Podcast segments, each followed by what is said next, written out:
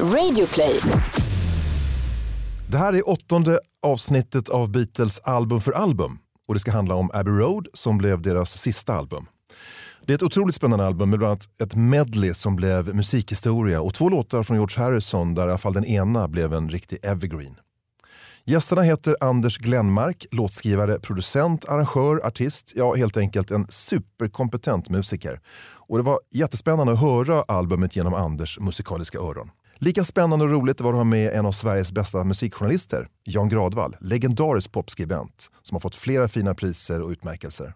Han var med och startade Swedish Music Hall of Fame och han var ordförande de första åren. Eh, han har också varit ordförande för svenska juryn och Nordic Music Prize. Och just nu kan du se Gradvall på TV4 som popprofessor Gradvall. Och nu handlar det alltså om Abbey Road från 1969 som var det sista albumet som Beatles spelade in. Men det släpptes ett album till lite senare med låtar som var inspelade långt tidigare. Det var albumet Let it be. För att vara noggrann då, albumet Abbey Road spelas in på EMI Studios, det som man kallar för Abbey Road, men också på Olympic och på Trident Studios i London. Och så släpptes en singel från albumet som vi pratar om här i avsnittet, Something med Come Together som baksida. Och det var i oktober 1969. Och det var intressant med en George Harrison-låt som A-sida och en John Lennon-låt som B-sida. Man undrar ju vad John tyckte om det.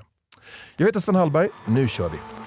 Well, it's a very great pleasure for us this evening to say hello to an up-and-coming Merseyside group, the Beatles. The Beatles. The Beatles. The Beatles.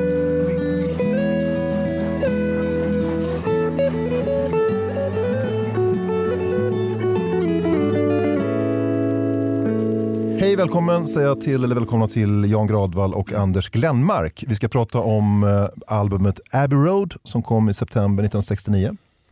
Och jag tänkte innan vi går in och pratar specifikt om Beatles så tänkte jag att eh, tiden när skivan släpptes 1969 september. Då hade Tommy Körberg vunnit svenska melodifestivalen med Judy min vän.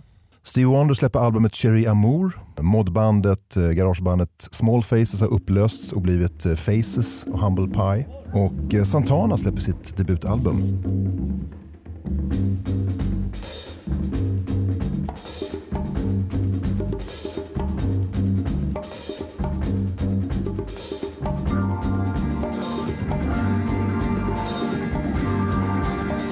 Det var ju Carlos Santana var väl gitarristen? Ja, absolut. Han har extremt speciellt gitarrsound den killen.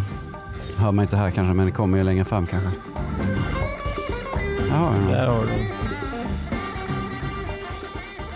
Så lät det. Eh, Rolling Stones släpper sin samlingsplatta eh, och jag tror att det kan hänga ihop med, det här är 69, det är på slutet när de håller på att bli klara med sitt avtal med skivbolaget. Eh, De satt ju fast liksom i ett eh, rätt dåligt avtal har jag förstått. De fick inte behålla så mycket pengar. Utan det var deras manager som, tror jag, la beslag på det mesta. Mm. Så de släppte en samlingsplatta och på kvällstoppen september 69 så hittar man eh, debutalbumet med Pugh Rogefeldt. Kommer ni ihåg det? Ja, Här kommer natten. det. Här kommer natten och Ja. framförallt tycker jag den här låten. Som inledde albumet. Love, Love, Love. Jaha, Janne Karlsson på trummor. Jo- Joey Wadenius på gitarr.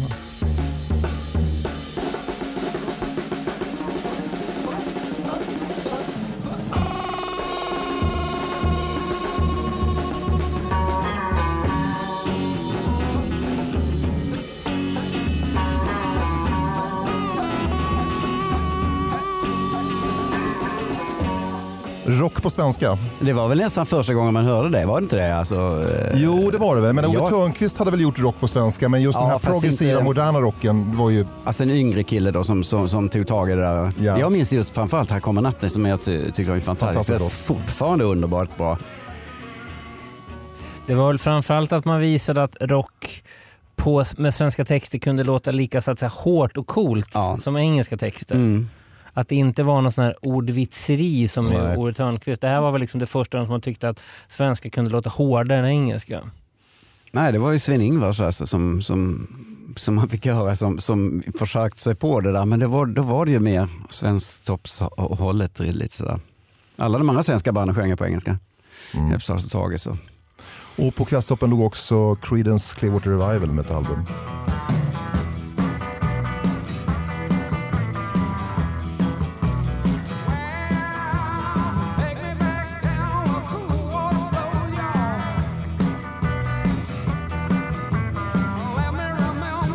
Det känns lite konstigt att allt det här kom samtidigt som, som Abbey Road. Alltså det, Blind Fate låg högt på kvällstoppen också. Lät så här.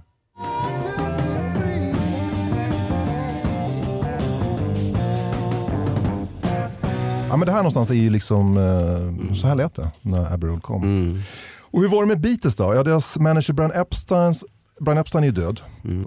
Man är inte helt överens om vem som ska ta över. Det är ju framförallt Paul som protesterar. Han vill ju plocka in sin svärfar. Eastman. Tror jag. Ja, jag tror det. Just det. Mm. Men det, där, det är ju ett intressant bråk så länge Brian Epstein fanns i gruppen. Man kan ju tycka att han kanske inte var så kreativt viktig. Men han höll ju ordning på allt och ingen bråkade om pengar. När han dog, då började ju bråken om pengar så att säga. Mm. Och historiskt rätt, det var ju Paul som hade rätt. För att då, hans svärfar kom ju från konstvärlden och menade på att vänta nu, det här ni skapar kanske kan ha ett värde om 50 år också. Eh, och ville ju teckna ett sånt avtal så att säga. Medan de andra då anlitar ju då Stones ökände manager och ville väl ha mer pengar på kort sikt. Och skrev ju på jättedåliga avtal. Men Paul var ju också sammanlänken i det hela som höll ihop hela bandet. Mm. Så det hade ju inte, Abbey Road hade förmodligen inte gjorts utan, ja det hade inte gjorts utan honom, honom ändå såklart. Men, men eh, det känns som att han var den drivande. Det är några låtarna på Abbey Road som handlar just om det här bråket. You never give me your money. You only show me your funny paper. Eh, och George Harrison sa i en intervju sen senare att eh, vi såg bara massa konstiga papper. Vi fick aldrig se några pengar. Det var liksom bara dokument och avtal. till Man skrev på såg glad Ja, ut. precis. Och så är det fortfarande. Ingen nytt. Eh, det har ju varit ett ganska, ett ganska spretigt album innan Abbey Road kom. Det var ju Vita Dubben som släpptes. Eh, och därför innan man också spelat in Let It Be som man väntade med att släppa. Eh, och eh, stämningen i bandet var väl kanske inte den bästa och det var väl, låg väl lite i luften också att alla, eller många ville göra soloplattor. Så jag undrar ibland varför man spelade in Abbey Road överhuvudtaget med tanke på den stämningen som fanns i bandet och den splittringen som var på väg. Vad tror ni? Vad var det som drev Beatles? Och... Jag tror inte de var klara liksom, riktigt med, med sin, eh, sitt, sitt musikaliska budskap. Och så här. De hade mycket kvar att ge fortfarande. Jag tror, att, att, jag tror det, det räckte nog rätt bra för att uh, ska göra den här plattan. Även om, som sagt, återigen Paul fick nog liksom sparka de andra i ändan lite grann för att det skulle bli av. Jag vet inte riktigt hur intresserad John var till exempel. Uh, känsla av att han helst vill vara med frugan. Och, Fast när, man- när man lyssnar på det så känns det ju som att när de väl är där, att då tror jag att det ändå fanns en stolthet. Att Absolut. vä- vänta nu, vi är Beatles. mm. Vi kan inte liksom sluta med det som blev Let it be då, utan vi, vi måste leva upp till våra förväntningar. Jag jag vet, jag läste just trivia om omslagsbilden, som vi kanske återkommer till, men just där, vad gör de direkt när den är tagen? Och du vet att Ringo gick på, på zoo, vilket känns väldigt Ringo att göra. Medan John och Paul gick faktiskt hem till Paul. Man tror ju att de bråkade hela Mm. tiden, men det gjorde de ju inte bara. Utan de gick hem och liksom fortsatte prata musik så att säga. Så det här är ju deras, Nej, deras väldigt medvetna farväl tror jag. Det är klart, det är väl en mycket massmedial grej också det där med att, att eh, i och med att eh, fru Yoko Ono steg in i bil, eh, bilden där att hon snodde John på något vis från Paul. Det, det älskar ju pressen och vill ha det så. Men uppenbarligen så tyckte de om att, att skriva ihop och eh, tävlade om vem som skrev bästa låtarna och sådär. Så var det ju. George Martin, alltså Beatles producent, han sa det att eh, det var inte uttalat att det här skulle bli sista skivan, men det, någonstans låg det i luften. Och han säger att han själv var ganska nöjd med att det blev sista. Han, var rätt, han kände sig rätt färdig med Beatles. Framförallt var det väl då att han, de försökte övertala George Martin att komma tillbaka igen. För han var ju inte med i bilden under vita albumet till exempel. Och hans villkor var väl då, okej, villkoret att jag kommer tillbaka att vi gör det som på den gamla tiden, att det är mycket mer disciplinerat och sådär.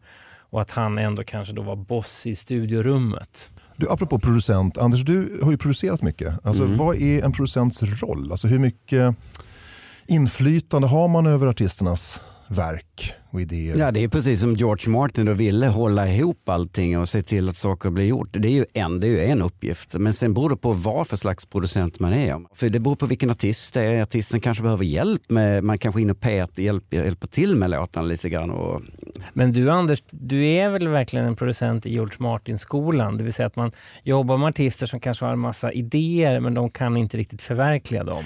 Medan du Ja. kan sätta dig och skriva de arr som behövs. ja, lite åt det hållet kan man väl säga. Men vi inga jämförelser i övrigt förstås. Här, Du är alldeles för blyg för. George Martin är alldeles för stor för det. Nej, det är fantastiskt. Men, det, men, men han, gjorde, han gjorde ju så mycket nytta. Och Beatles, verkligen. Det är, man kan säga att det låter lite modernare om Abbey Road mot tidigare. Man har åtta kanaler. Tidigare tror man hade fyra. Åtta låter ju fortfarande ganska lite alltså i dagens öron. Men det var mycket då och man hade en Moog som jag tror, jag tror det var George Harrison som ägde den. Mm. Eh, och Harrison, nej kanske inte var, men Harrison har en Leslie-gitarr. Alltså en gitarr som gick genom ett Leslie-kabinett. Som tydligen också var specifikt Ja, det, han var duktig på att experimentera, den gode George där. Vad är Leslie? Kan jag förklara? Alltså Leslie det är ofta används det är ett högtalarkabinett kan man säga som oftast används till Hammondorgel. Det vill säga det är en, en stor fin jättesnygg möbel faktiskt och inne i det så ligger, eh, ligger det högtalare, bas och diskanthögtalare så är det så här, eh, en skiva som snurrar som sprider runt ljudet i olika hastigheter som man kan styra från. Oftast är det orgel men sen så var det någon som kom på att, att man kunde använda det till gitarren också. Vem som gjorde det först vet jag inte men George tyckte ju det var superhäftigt. ja, men vi kommer höra exempel på det i alla fall, hur det låter. Ja. Och så omslaget, eh, fotografen som hette Ian Macmillan någonting och eh, han fick tio minuter på sig att ta det omslaget. eh, jag tror John sa någonting i stil med att eh, vi är här för att spela in en platta, liksom inte för att fotografera oss. Det fanns ju, ursprungsidén var ju att albumet skulle heta Everest. Exakt. Och då efter ett cigarettmärke som en av teknikerna rökte. Men sen, och då skulle de förstås stå framför Mount, Everest. Men så kom de på att fan vad jobbigt att, att åka till Nepal eller Tibet och göra allt det här. Vi går ut på gatan vid studion istället. Så att det är ju storyn bakom omslaget. Och det sa ju Paul just att eh, alltså, Abbey Road heter gatan, det kan inte heta det då? Och det, är ju, det var ju vilken gata som helst då. Nu är det Ja. ett av Englands största turistmål. Det är precis som Big Ben eller Buckingham Palace. Att alla som åker till London första gången vill ju gå på Abbey Road. Så att säga. Mm. Studion hette ju inte ens Abbey Road. Då. Jag tror att den hette EMI Studios eller något sånt. Ja det var Em- Emmy tror jag. Ja. Ja ja det övergångsstället vill man ju själv gå på, det har jag faktiskt inte hunnit med än. Det, Jag, jag, jag har gått där Du har gjort det? Jag har fl- flera gånger till och med. man ska gå fyra gånger egentligen så man får vara klädd som, båda, Ja. som, som de allihopa. Paul tyckte jag var så cool, han gick barfota och och med en cigarett i handen. Det tyckte jag var kaxigt på den tiden.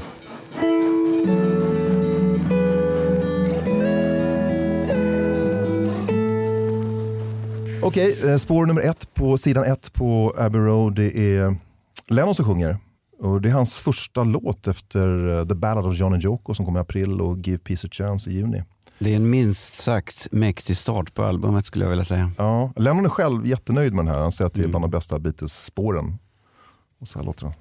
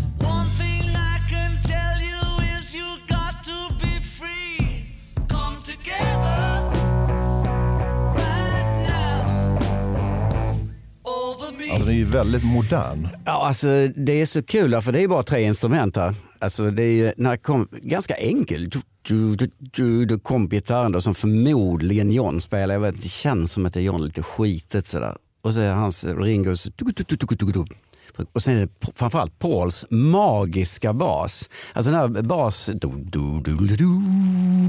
Alltså jag höll på att smälla av när jag hörde den. Eh, och jag vidhåller fortfarande att Paul är den bästa popbasisten i världen. Alltså jag, jag tycker han, han, han, han har släppt så många... Det var ingen som, som spelar så på det sättet som, som, som han gjorde. Det är bara de där grejerna. Sen kommer slide-gitarren in. Den kommer långt in senare i låten. Det är kanske därför att det låter så, så tidlöst också. Ja. För att en del när man lyssnar på gamla saker så tycker man att det kan låta lite sådär lite tunt jämfört med när man spelar in musik nu. Men det här låter ju helt fantastiskt fortfarande. Mm. Att varje instrument hör så mycket. Här hör man ju lite att 1969 att det var lite hårdare också. Som de här andra tidsexemplen. Så när gitarren kommer in, det är ju nästan, det är nästan hårdrock då. Det är mycket skitigare än innan, helt, helt klart. Eh, inställningen är också skitigare kan man säga. Den är, för sig. Men här är ju George Martin, han sitter ju vid ratten här. Ja, Eh, Och det är ju ändå en medelålders farbror som har gjort orkesterskivor och humorskivor innan. Efter har han ju då följt Beatles utveckling. Men han, han levererar ju, han inspirerar ju till ett väldigt modernt sound här alltså. Jag tror ju att eh, på vissa låtar har George Martin gjort jättemycket. På andra så tror jag att han låter dem hållas bara. Och bara låter dem göra sin grej. Det här är Johns låt, det här är John som styr. Det, det, det kan jag svära på. Och eh, det låter så mycket John om det här. Och, och han, han, är ju bara, han går ju bara på fil, han vet ju inte vad han gör. han kan ju vända på taktart och sådär. Inte på den här låten, i den här låten, men många andra så plötsligt kommer det en tvåtakt eller en valstakt mitt i alltihop. Och jag tror inte att George Martin, eh, jag kan tänka mig att han bara lät dem hålla sig. Han bara, bara såg till att de mådde bra. Jag, jag skulle tro det. Eh, John hade ju då, innan de spelade in den här låten så hade han jammat lite grann på Chuck Berrys eh, låt som heter you, can, you Can't Catch Me. Och det finns ju lite av den, både textmässigt och eh, låtmässigt. Det är till och med en textrad som är ganska lyft från den. Ah.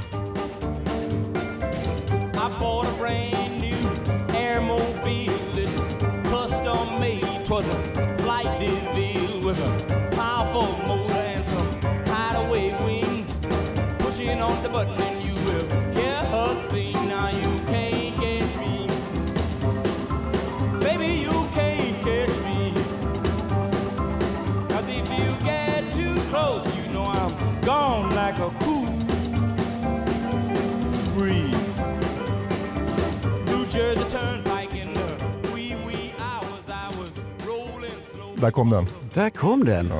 Va? Here come old flat top. Mm. Det här innebar att John eh, hamnade lite grann i trubbel med, med förlaget, Chuck Berrys förlag. Mhm. Och man kom till en uppgörelse där John skulle kompensera det här genom att spela in tre Chuck Berry-kompositioner på ett senare album. Och det är skälet till att rock'n'roll kom till. Enbart det skälet. Så att säga. Han, han älskar ju den musiken. Chuck Berry finns ju på något sätt i DNA till både Stones och Beatles. De har ju säkert spelat den här i Hamburg, eh, säkert spelat 20 Chuck Berry-låtar. Jo, men det hörs ju var inspirationen kommer och vad det är för rötter som ligger bakom. Det är väldigt bluesigt också. Eh, Jag tänkte bara till, till scenariot när man spelar in Abbey Road så ska ni ha klart för att här ligger alltså Yoko en säng. Jag minns inte varför hon var skadad. Men hon ligger alltså i sängen. Men Hela mikrofon, tiden, hur? Ja, men Ja. mikrofon hänger över huvudet ifall hon skulle vilja säga något. Så hon var ju en femte, femte eller sjätte biten här liksom. Jo, men det minns jag. Jag vet inte, Paul var nog inte så glad över det. Det roliga är när man kollar nu på till exempel Spotifys tjänst och så ser man vilka låtar som är mest streamade. Det som är faktiskt kommer nu, eller? Ja, Mm. det är George Harrison som har Mm. kammat hem dem. Det här är andra låten på Abbey Road. Something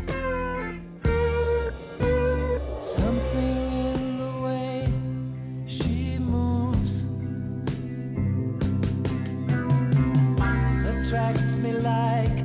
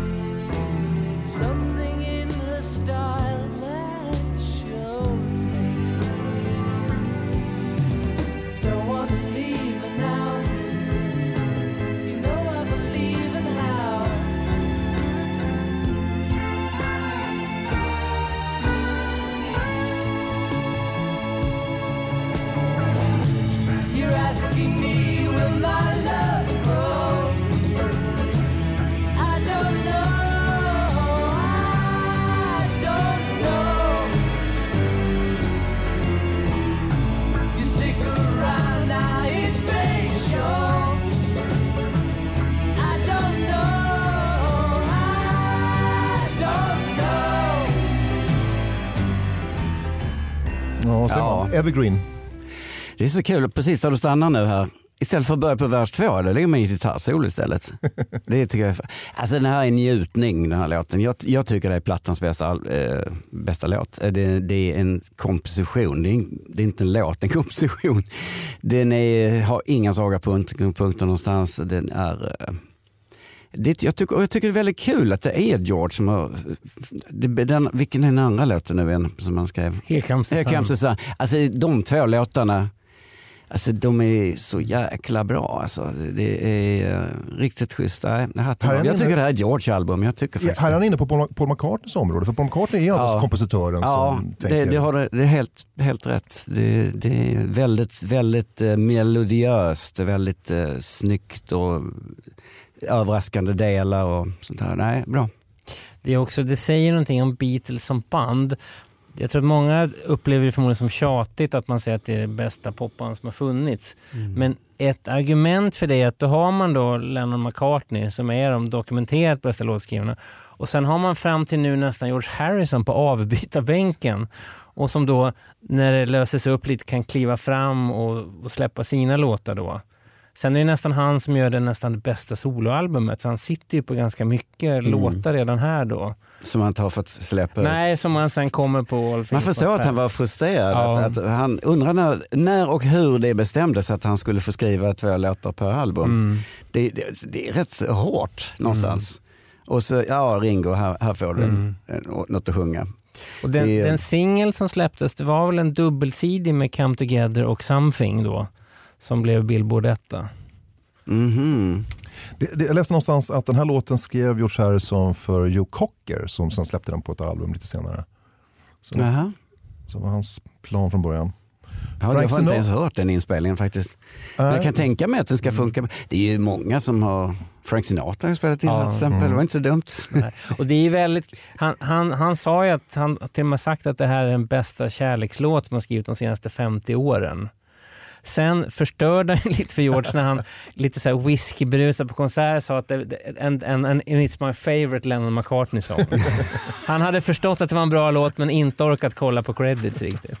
Men det är kanske är därför som, som den har blivit så oerhört mycket streamad då. Att, att, det, att det är en sån love song som går genom generationerna på något vis. Fast det är, det, de två mest streamade låtarna då är från Abbey Road, men inte den här faktiskt. Det är Come, eh, Here Comes the Sun är etta och um, Come Together är tvåa. Okej. Jag får med Something ligger hyfsat högt Den ligger nog också högt, Mm, men mm. de två är... Alltså mycket, mycket högre än Nej just det, Here comes the sun är det. Du har du helt Det- rätt det är- det är jag, den mest jag trodde att det var samma, men när du säger Mm. det så, så, så stämmer det absolut. Och det är lite överraskande Mm. ändå tycker jag. Så var det ju inte Beatles status, om man säger exempelvis då 70-talet. Nej. Då var det ju Alltså det var ju andra Beatles-låtar som var mycket större då. Så det är, det är intressant den här, vad som händer under tidens gång.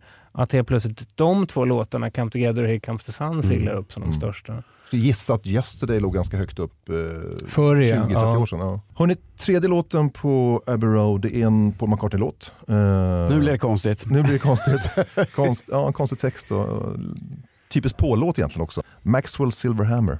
Joan quizzical, studied metaphysical science in the home. Late nights all alone with a test tube. Oh, oh, oh. Maxwell Edison, majoring in medicine, calls her on the phone. Can I take you out to the pictures,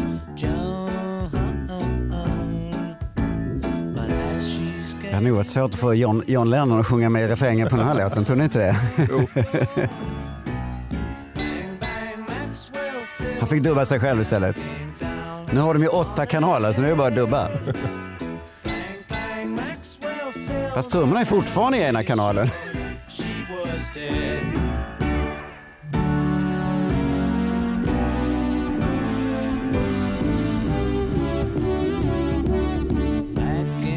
Jag tyckte, den skrevs i Indien då och var tänkt att ligga på vita dubben. Men Det är- eh, de tyckte den var för komplicerad att spela in av någon anledning. Så att den, Oj. Men där skrev jag en Martha My Dear istället som jag tycker är mycket bättre sån här music hall-låt eller umpa umpa låt som är riktigt bra tycker jag. Eh, Där har ju George Martin också fått f- fria händer med massa bastuber och tromboner och mycket. Den tycker jag är väldigt bra. Men det här, är- det här är jättekonstigt. Först kommer så, kommer så här Come Together som är så himla bra och sen så Something, en riktigt välskriven komposition och sen kommer en sån här Umpa Umpa-låt mitt alltihop. Det, det är det som gör, gör att jag tycker ibland att att är det verkligen en av världens bästa poddalbum? Jag skulle lyfta bort den här. Det- det- För Paul är ju en som kan ju mycket bättre än så här. det, alla i bandet, det verkar nästan till och med Paul själv hatar den här. Ingen gillar den här låten har alla sagt efteråt då.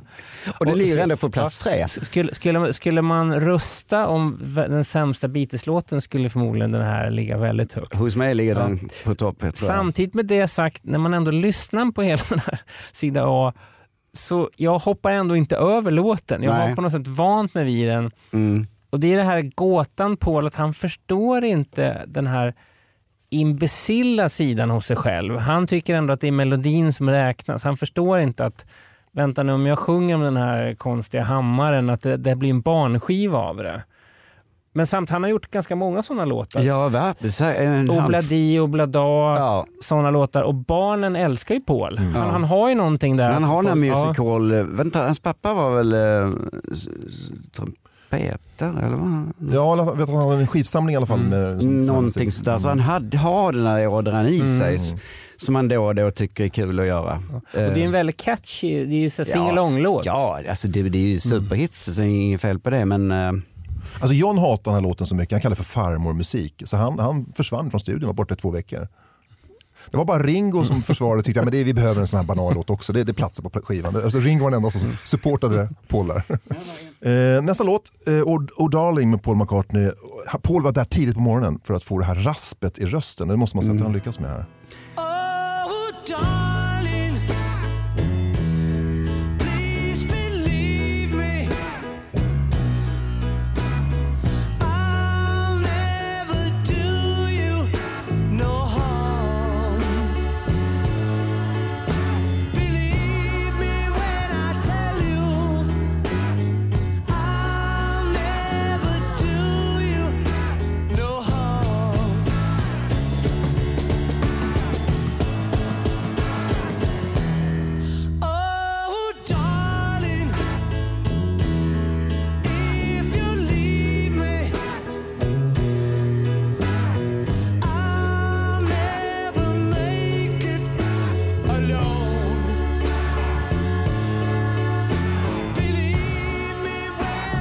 spelar han fäll. Kommer snart en fel till.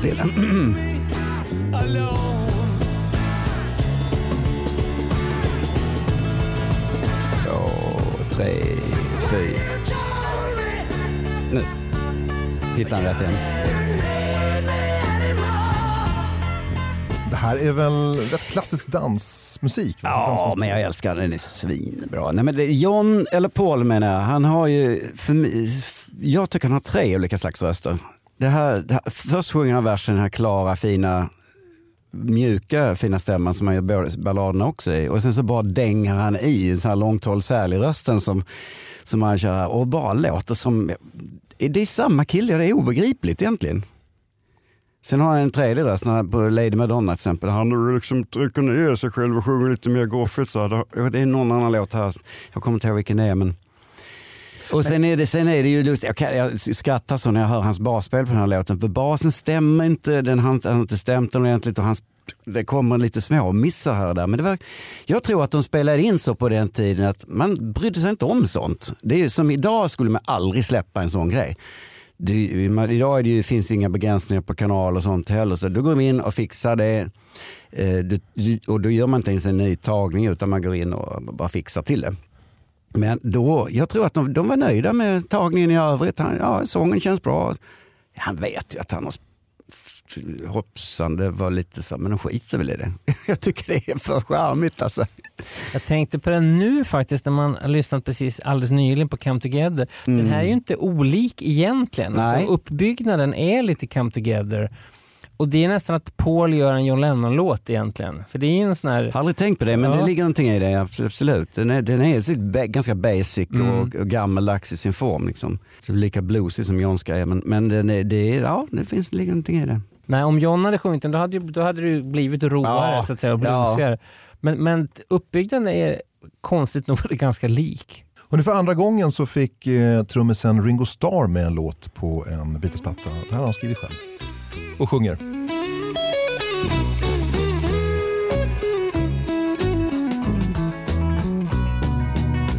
I'd like to be under the sea in an octopus's garden in the shade. He'd let us in, knows where we've been in his octopus's garden in the shade. I'd ask my friends to come and see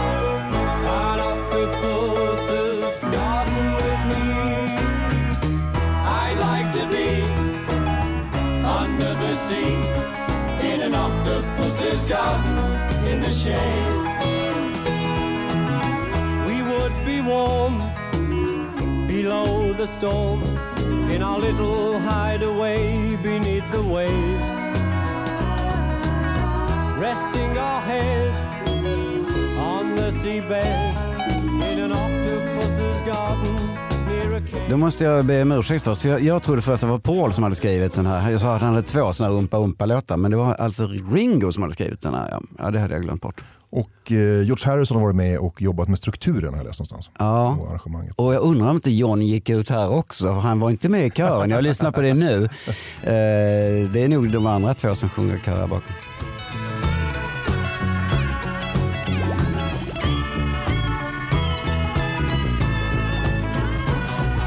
Hur gör man en sån här kör? Ja, det, det, det där vet jag inte vad det är. Jag har inte ens hört det förut.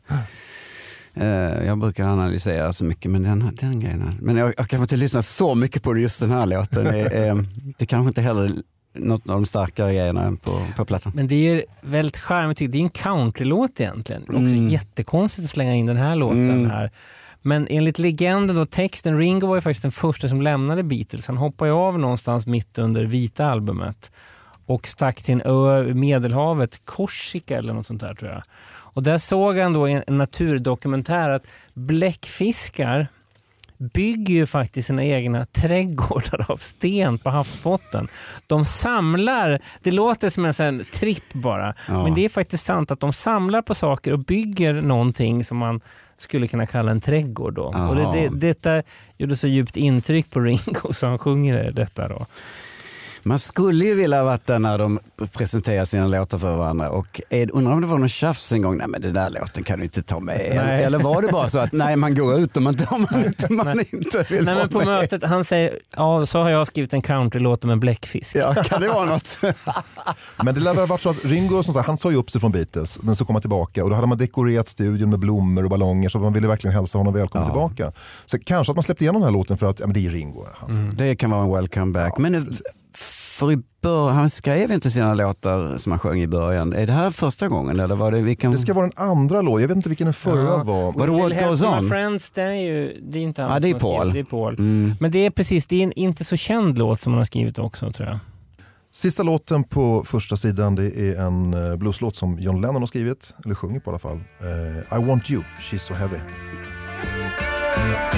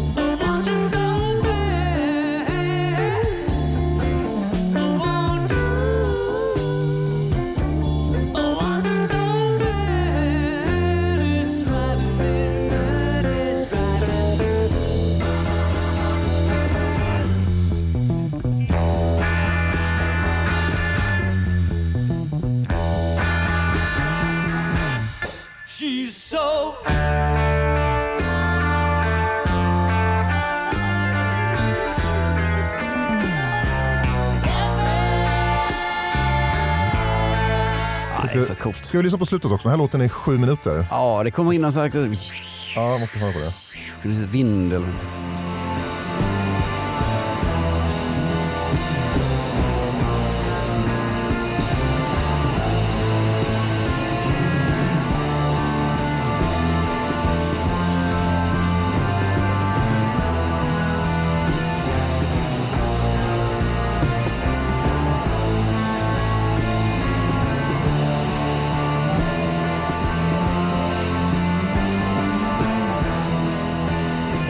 skulle kunna vara slutet på hela skivan känns Ja, som. eh, faktiskt.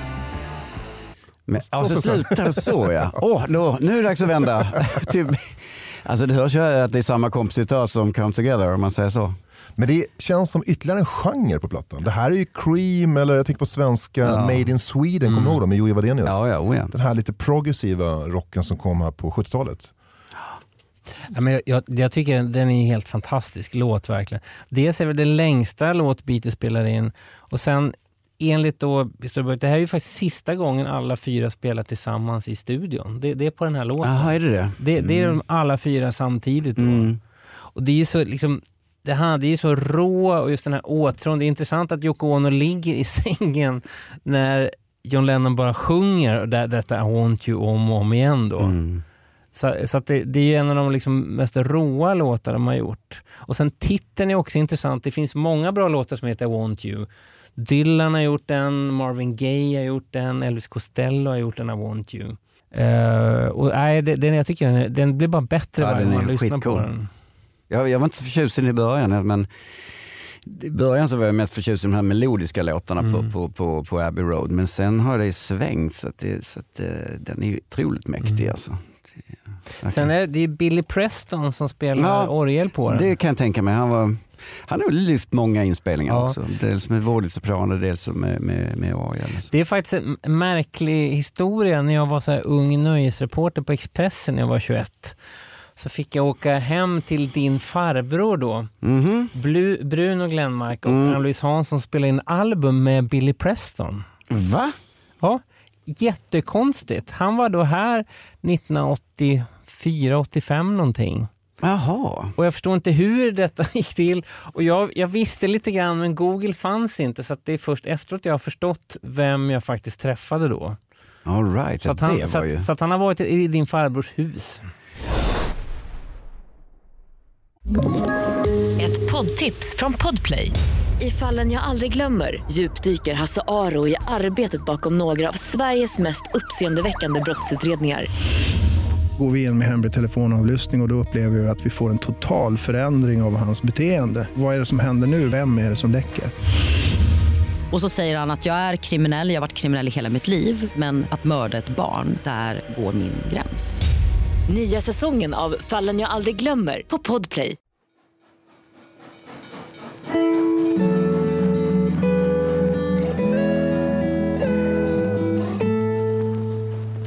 Vi vänder på skivan. Första låten på andra sidan det är nästa George Harrison-komposition. Man hinner aldrig vila i en stil riktigt sådär utan ja, och så var det nästa. Lappkast, jäklar alltså. Men det var ju lite Beatles i ett nötskal. Alltså. Ja, Framförallt verkligen. på slutet, att det var allt på en gång liksom.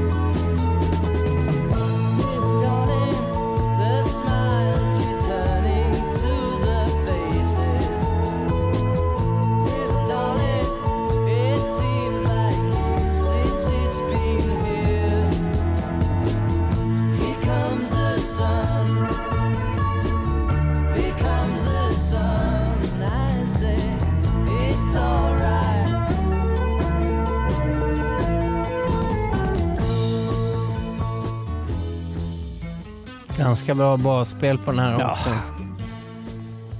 Det här är ett lysande parti. Med konstig taktart och vänder fram och tillbaka hit och dit. Och det var intressant just det där med Leslie, George Leslie-gurar där ihop med mandolin hör man ju där också. Så det är ganska spännande sound som man nog inte hade hört någon gång innan. Det är kreativt.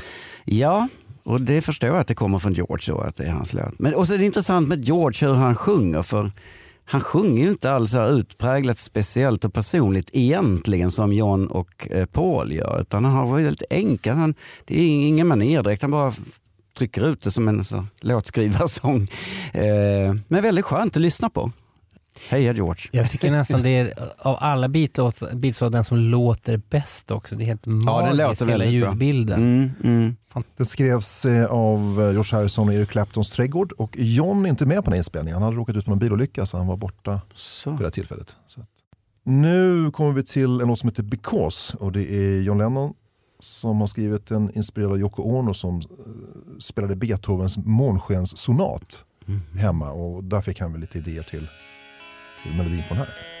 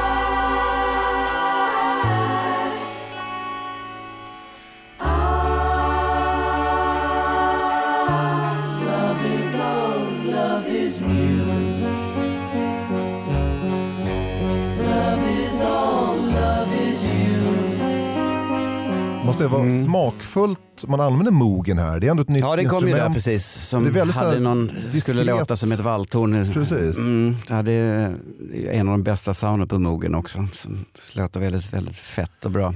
Här är det spännande tycker jag ur en musikarrangeringsteknisk eh, synpunkt så skulle jag tro att George Martin har hjälpt till här en hel del också. För att det, det är så rätt arrangerat. Eh, eh, Annars är det lätt att man bara lägger alla stämmorna som följer varandra hit och dit. Men ibland ligger en stämma still medan de andra rör sig ovanpå.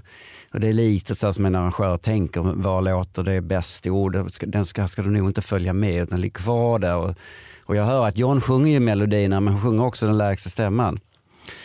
Det, där är ju, det där är superintressant. Jag, Ja. jag förstår bara nästan vad du säger. hur, hur, hur då? Kan du förtydliga det ännu mer? Det är väldigt intressant. N- ja, alltså om man säger så, det, ja, det är lite svårt att förklara, men när man ska göra så här körsång och stämsång, det här är ju inte kör utan det är ju stäm, stämma ett, stämma två och stämma tre med, som, och alla följer varandra hela tiden. Men Eh, ofta så ligger un, understämman helt still och följer inte melodin och den ligger som en bas där då kan man säga. Ah, och, okej, och det blir inte så snyggt om den hoppar upp och ska göra samma rörelse som de andra två. Och Mm. det där är ju lite sådär kunskap hur man vet om hur man arrangerar. Mm. Eh, eller så, så har de gjort, de har gjort allting rätt på andra låtar Nej, också. men att- men jag skulle tro att, att. George Martin har ett finger med i spelet där på, på, på det. Ja, det är väldigt vackert, det är väldigt romantiskt och väldigt På den här eh, snyggt. samlingen Anthology 3 så, fi- så finns låten helt, bara med själva kören. Ja.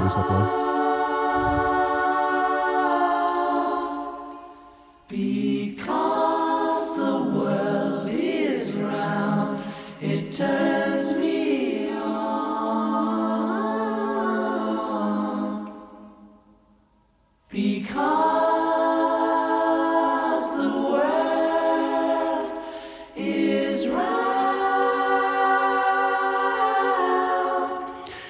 det är inte så lätt sjunget. Jag har lite svårt att och, eh, spåra där om det, om det är Paul som sjunger över stämman, falsettstämman eller om det är eh, jag, hör, jag känner igen Johns lite nasala stämma både här och där så att han har fått göra många tror jag. Eh, det definitivt inte Ringo i alla fall. det kan vara Paul som sjunger över stämman, jag vet inte. Jag Det vet här inte. låter ju så modernt nu också. När man, när man liksom lyssnar på hyllade band i indievärlden idag så är de inte ens riktigt här. Så att säga. Det här ligger fortfarande, låter för i tiden. Mm. När många försöker experimentera med sångarrangemang och sånt.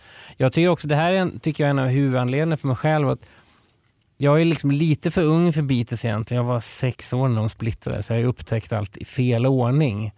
Länge tyckte jag nog att Rubber Soul och Revolver var mina favoritalbum. Mm. Men nu väljer jag nog Abbey Road faktiskt. Du gör det? jag tycker Mm. nog det är bästa albumet. Mm. Ja, jag, jag vet inte, det, det är olika för mig. Jag, jag är ju helt galen i White Album, jag, som jag inte alls gillade i- i- från början. Jag kommer ihåg när de sprang till affären och köpte den. Så tänkte jag, vad är det här för någonting?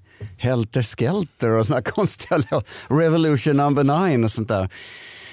Den här Because eh, lär ha varit bland det svåraste Beatles har spelat in. Eh, det Vilket då? Den här Because som vi hörde. Mm. Nio röster ska Ja. det vara tydligen. Och det var sista låten man spelade in till Abbey Road. Läste någonstans här. Mm. Ja, de har dubbat rejält på stämmorna för att få, för stad, för att få stadga i det tror jag. För att man hör ibland att det, miss, att det är lite svårt. Att, alltså det här är ju ingen... Det är ju så naket också. Det är inte så mycket instrument på så man hör ju direkt när det håller på att spåra och sådär. Men de klarar sig väldigt bra. Det är så, de har ett schysst sound. Hörrni, nu kommer vi till det här berömda medlet. Det är åtta korta låtar Ja, som eh, egentligen inte var färdiga låtar som fanns i byrålådan. John gillade inte den här idén, det var Pauls idé. Ja, det är självklart. Så Paul och George Martin, producenten, var det som satte ihop det här medlet. Eh, och första låten är en låt som Paul McCartney har skrivit. Den heter You Never Give Me Your Money och den syftar väl på det här bråket med managern.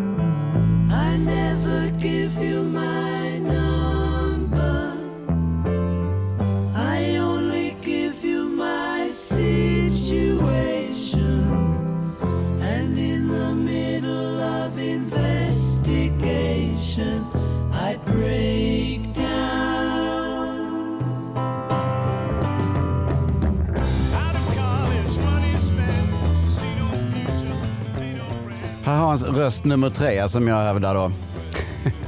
Det låter som en helt annan sångare.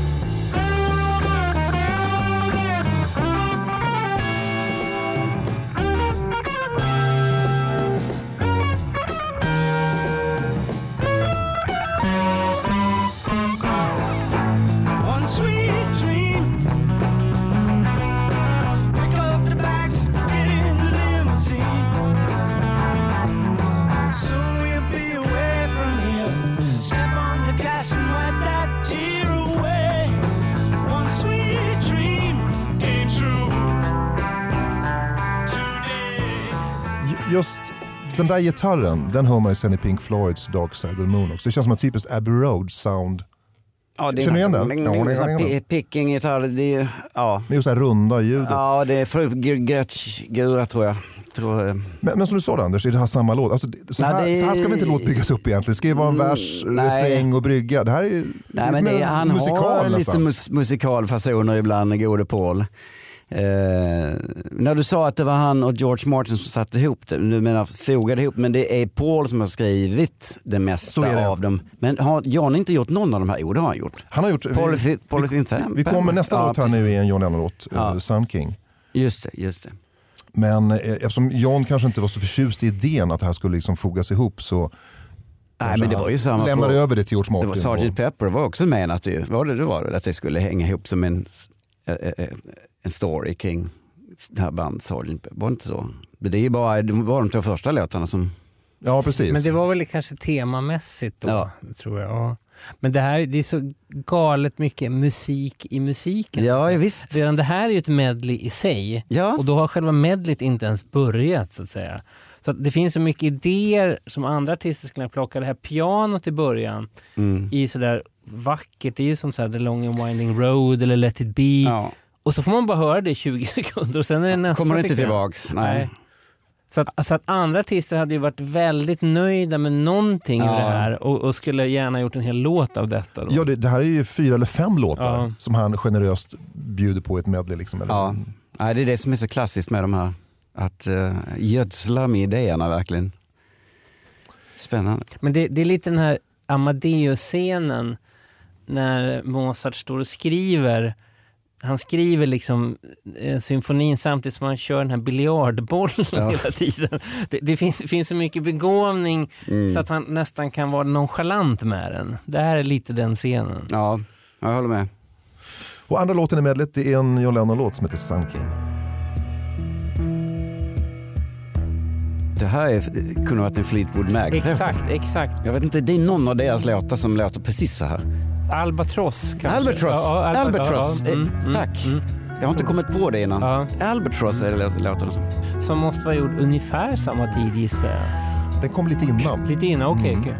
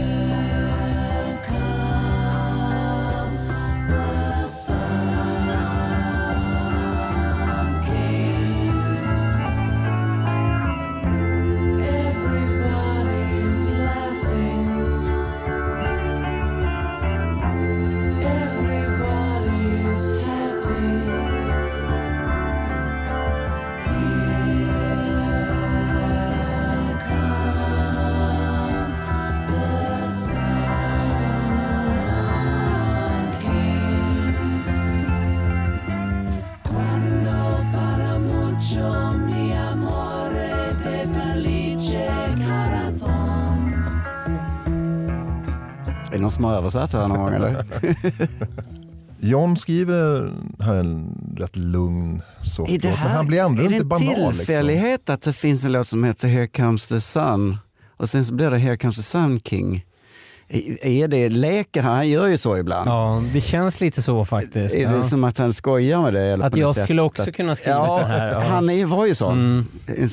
Figur, filur liksom. Vad jag undrat över det här, textmässigt så hänger det ihop, är det en story i alltihop det här på något vis? För Jag har Nej. inte kunnat, jag har inte kunnat Det- sitta någon röd tråd i Det något tror, av jag, det. det tror jag inte. Det tror jag Nej. inte. Nej, för att jag har inte riktigt hittat. Nej, I så fall är nej. det ingenting jag märker eller Nej. ser i så fall. Men är inte det här material som har liksom legat i byrålådan hos John och Paul som liksom aldrig blivit klart riktigt? Det och så? kan, Det kan ju vara så, här är en skitbra refräng men jag har ingen vers. Eller Nej. tvärtom.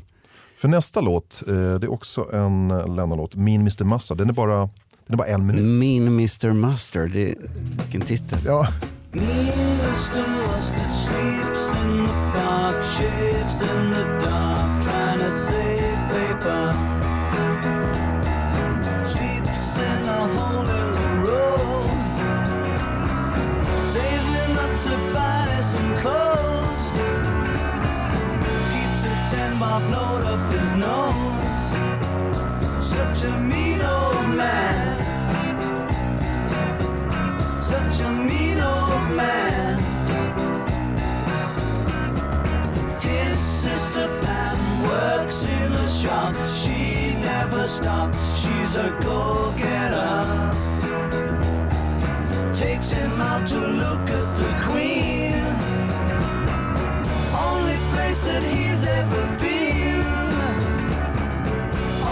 All popmusik som har gjorts re- refererar ju till Beatles på något sätt oavsett om de gör det medvetet eller inte.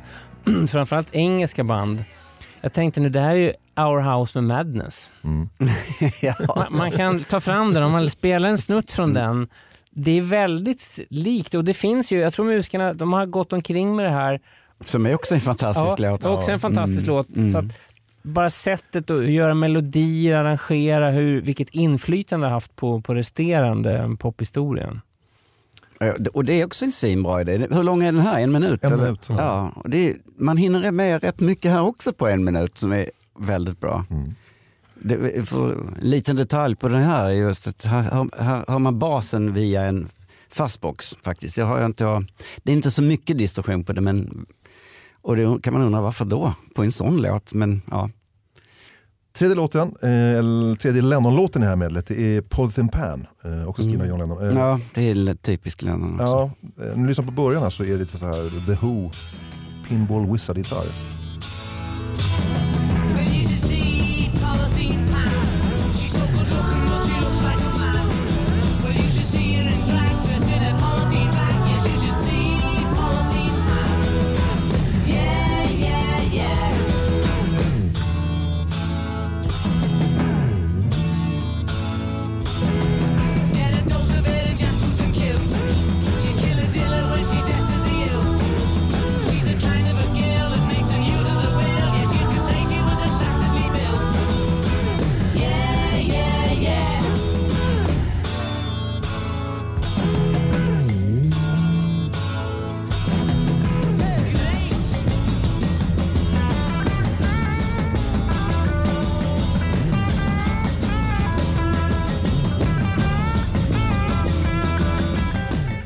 Polythene Pan var någon eh, kvinna i periferin där? She's so good looking but she looks like a man.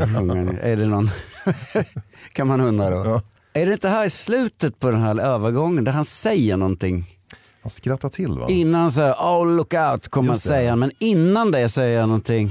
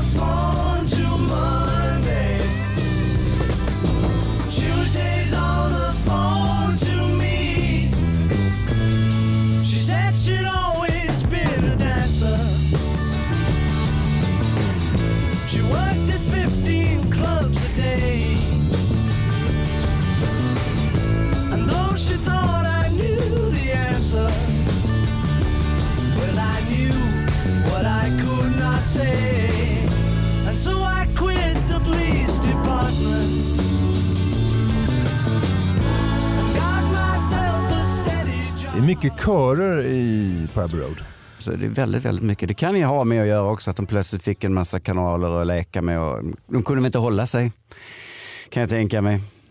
Det är, ju, det är ju Beatles sista album och här på något sätt vet de ju nästan att det är deras sista album också. Ja. Jag tänkte i filmer kan det vara såna här flashback-sekvenser när någon minns tillbaka sitt eget liv. Den här känns ju lite så med de här yeah yeah-partierna. Ja, jag tänkte och det där exakt samma new, grej. Liksom, Att att, man- att man refererar till sig själva. Mm. Tre stycken igen. Det Ja. har vi, det har vi gjort förut. Så Ja. det kanske är en ja. Eh, She came into the bathroom window, Paul McCartney har skrivit den. Det ska- tydligen bygga på en historia, det var en fan som klättrade in i, genom köksfönstret hos Paul och snodde en bild av Pauls pappa. Aha. Fotografi, ja. Joe Cocker hade en hit med den här också. Ganska, fick ganska stor hit med Aha. She came into the bathroom window. Lite, lite bluesigare med honom. Men han gör den jättebra. Vill, vill ni höra den? Ja.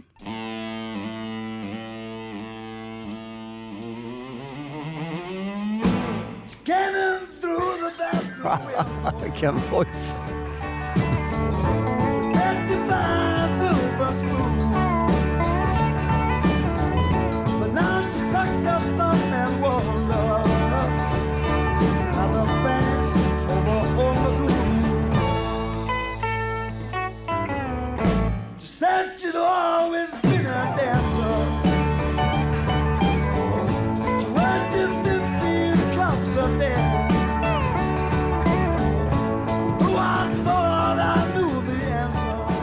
Rätt rolig version faktiskt.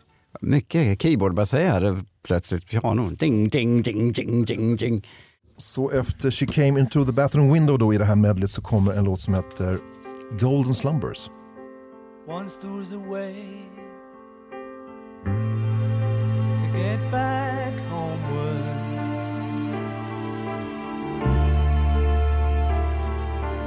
Once there was a way to get back home. Sleep, pretty darling, do not cry. And I will sing a lullaby.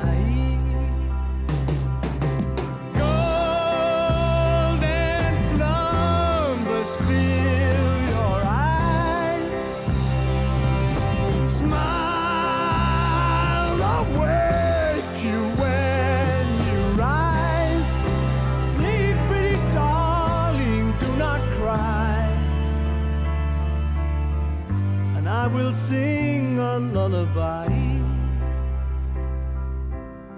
Once there was a way to get back homeward.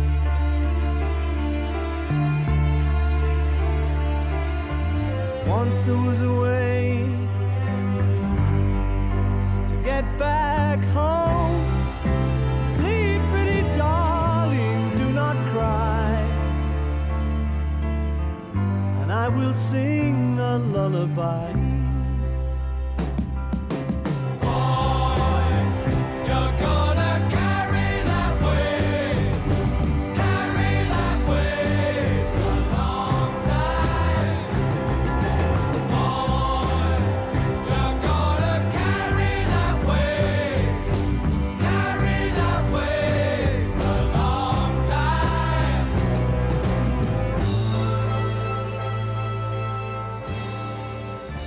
Kommer det tillbaka, You never Det är give me your money. intressant. Ja, det är lite musikalkänsla i den här. Det är ju två helt olika låtar. Jag, liksom. jag tänkte på du Anders som har jobbat tight med ABBA, Björn och Benny. Man kan ganska enkelt föreställa sig att de har suttit och lyssnat på det här. Det har de säkert. Det, Ja. det är ingen av oss som inte skulle hållit på utan, utan Beatles. Känns det som ibland. Ja, men det är klart de har gjort Mm. det, det. Vi har alla älskat det. Men det här, här är ju också ett, ett klassiskt exempel på att eh, Paul och eh, George, det var ju liksom deras kväll här när de satt och gjorde det här. Det, det förstår man ju. Och han har, eh, George, eh, George Martin har fått fria tyglar här säkert. Det är också när, när Paul McCartney i modern tid, och jag sparkar mig själv under bordet för att jag inte har sett honom i modern tid, de här konserterna, men han avslutar ju konserterna med de här tre sista låtarna på Abbey Road. Mm, vilken Han- konsert var det som han... Ja, det- han har gjort det ganska länge Ja, nu. han Han, har det. spelat det Ja, i ett antal år. Att han har kört Ah, det som vad coolt. antingen sista låt på konserten eller sista extra numret. De här tre sista numren då på Abbey Road. Ja men det är ju mäktigt alltså. Jag tänker vi går in i slutet på Carry That Way och sen så går vi vidare till The End. Det hänger ju också lite grann ihop. Så här.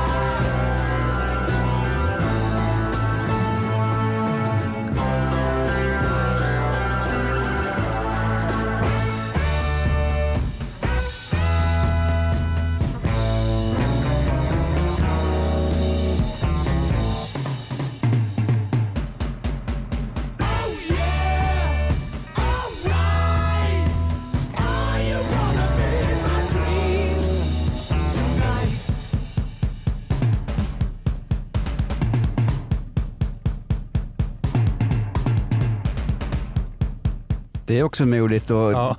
tillåta sig det trumsolo så här på sista låten. Och, och Ringo gillade ju inte trumsolon. Nej. Det var inte hans grej.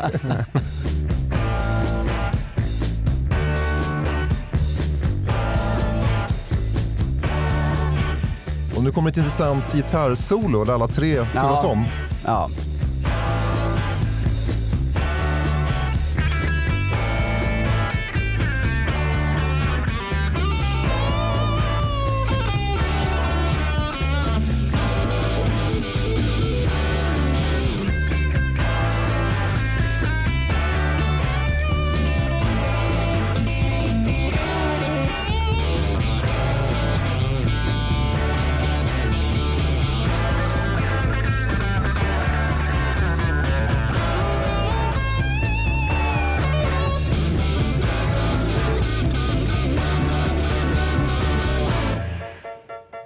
Egentligen en perfekt avslutning Alltså på... den där är Ja. så kul, det här slutet här, det känns ju bara, bara den som är en fantastisk låt och det är ju några takter bara.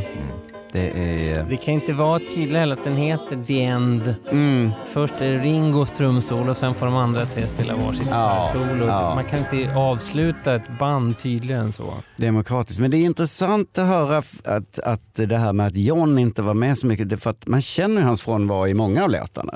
Han är ju med i slutet, det hör man att han sjunger på The End. Och solorna där, det har jag läst att det är Paul, George och Lennon. Så Lennon så här, det är hans lite aggressiva. Ja, det, ja, det hörs när lite skit, det skitigaste ljudet. Ja, men där skulle ju plattan kunna vara slut, men det råkar slinka med en låt till. Majesty's a pretty nice girl, but she doesn't have a lot to say. Majesty's a pretty nice girl, but she changes from day to day. I wanna tell her that I love her a lot, but I gotta get a belly full of wine. Den där skulle egentligen ha legat mellan, i det här medlet mellan Me, Mr Mustard och eh, Paul the Pan. Men man klippte bort den. Sen blev det kvar på masterbandet. Och, eh, för att man hade sagt det till ljudteknikerna, ni får inte kasta någonting från inspelningen med Beatles. Allt måste sparas. Alltså, du menar att det ska vara ett misstag där? Att- Att den ligger början där? och- ja. Aha. Men just det där att man ska inte kasta någonting med Beatles. Jag, jag var i Abbey Road-studion och gjorde reportage där de hade remasterat skivorna. Då fick man komma dit och prata med ljudteknikerna när de gjorde de här monomixarna och stereo Mm. och sånt. Och du vet att jag frågade sådär, men var förvaras Beatles mastertaper nu? Mm. Och då blev det lite så tyst och de tittar på varandra. Så kan de säga att vi får inte säga var, men de är på den absolut säkraste möjliga platsen. Alltså någonting Nedgrävda för, ja, någonting för England väldigt viktigt. Motsvarande det finns då reliker från liksom kungahuset, något som är då atombombsäkert, brandsäkert. Militära Där- hemligheter. där. har man Beatles Mm. mastertaper. Det säger en del om hur viktiga de är Exakt. för Storbritannien. Och det inledningsvis- Spice Girls-tejper kanske inte ligger precis där, men ligger någon annanstans. Jag glömde fråga er inledningsvis, här. Minns ni när ni hörde Beatles för allra första gången? Du Anders? Oj, eh, det skulle man varit förberedd på den frågan för att veta exakt. Men Det var inget Eh. aha-ögonblick. ja, det var inte den första, alltså, det var inte Love Me Do där utan det var nog lite senare tror jag. Jag tror det faktiskt. Eh, är det inte Twist and Shout som jag... Det kan ha varit någon av dem, jag, jag vet inte. Syrran och jag vi spelar mycket Beatles-låtar så vi var ute och spelar eh, eh, Love Me Do, nej inte Love Me Do, All My Loving och det där spelade vi ut och vi hade lite popband så vi körde nästan bara Beatles-låtar. Så att på den tiden var det ju definitivt, det var ju i början där någonstans. Jag lyssnade på radio jättemycket när jag var liten. Då dök det upp Beatles. Men det, den första som man refererar till så var väl She Loves You skulle jag tro. Då, då, trodde, då sjöng man ju med på så att de sa man försökte låta som en engelsman för att man kanske var fyra år och kunde inte. Men då försökte man härma den She Loves You. Det är väl första gången jag hörde Beatles. Slavs you sjöng min syrra. Ja, men, ty- ja, men, precis, precis. Jag, jag vågar inte ens ge ett exempel men det var ett bra exempel. Un- Ungefär så som man trodde. Ja. Oj, oj, det har man gjort många gånger på Sen- många låtar. Sen kommer jag ihåg i musikundervisningen i skolan då eh, så fick man ju sjunga Beatles-låtar. Vilket tyvärr gav nästan fel effekt på mig när man sjöng så här, When I'm 64. Mm. Det sitter 25 elever i Linköping och sjunger When I'm 64. Och då tänkte man det här ska jag aldrig mer lyssna på hela mitt liv. Och sen fick jag upptäcka Beatles på nytt efter det. Hörrni, eh, om ni skulle kunna enas om en låt från plattan som vi ska avsluta med att spela i sin helhet, vilken låt skulle vi välja då? Jag skulle kunna lyssna på hela Come Together men jag skulle också kunna lyssna på någon av George-låtar. Bestäm det. Jag kan också ta Come Together, Here Comes the Sun, Mm. Because kanske, för Ja. att den är lite oväntad. Ja, because. Det kör vi. Det var väldigt kul att vara här. Ja, och det blir en fin avslutning hör man nu. Det blir en Ja, pampig ja, det blir sista det. låt. Otroligt bra. Värdigt.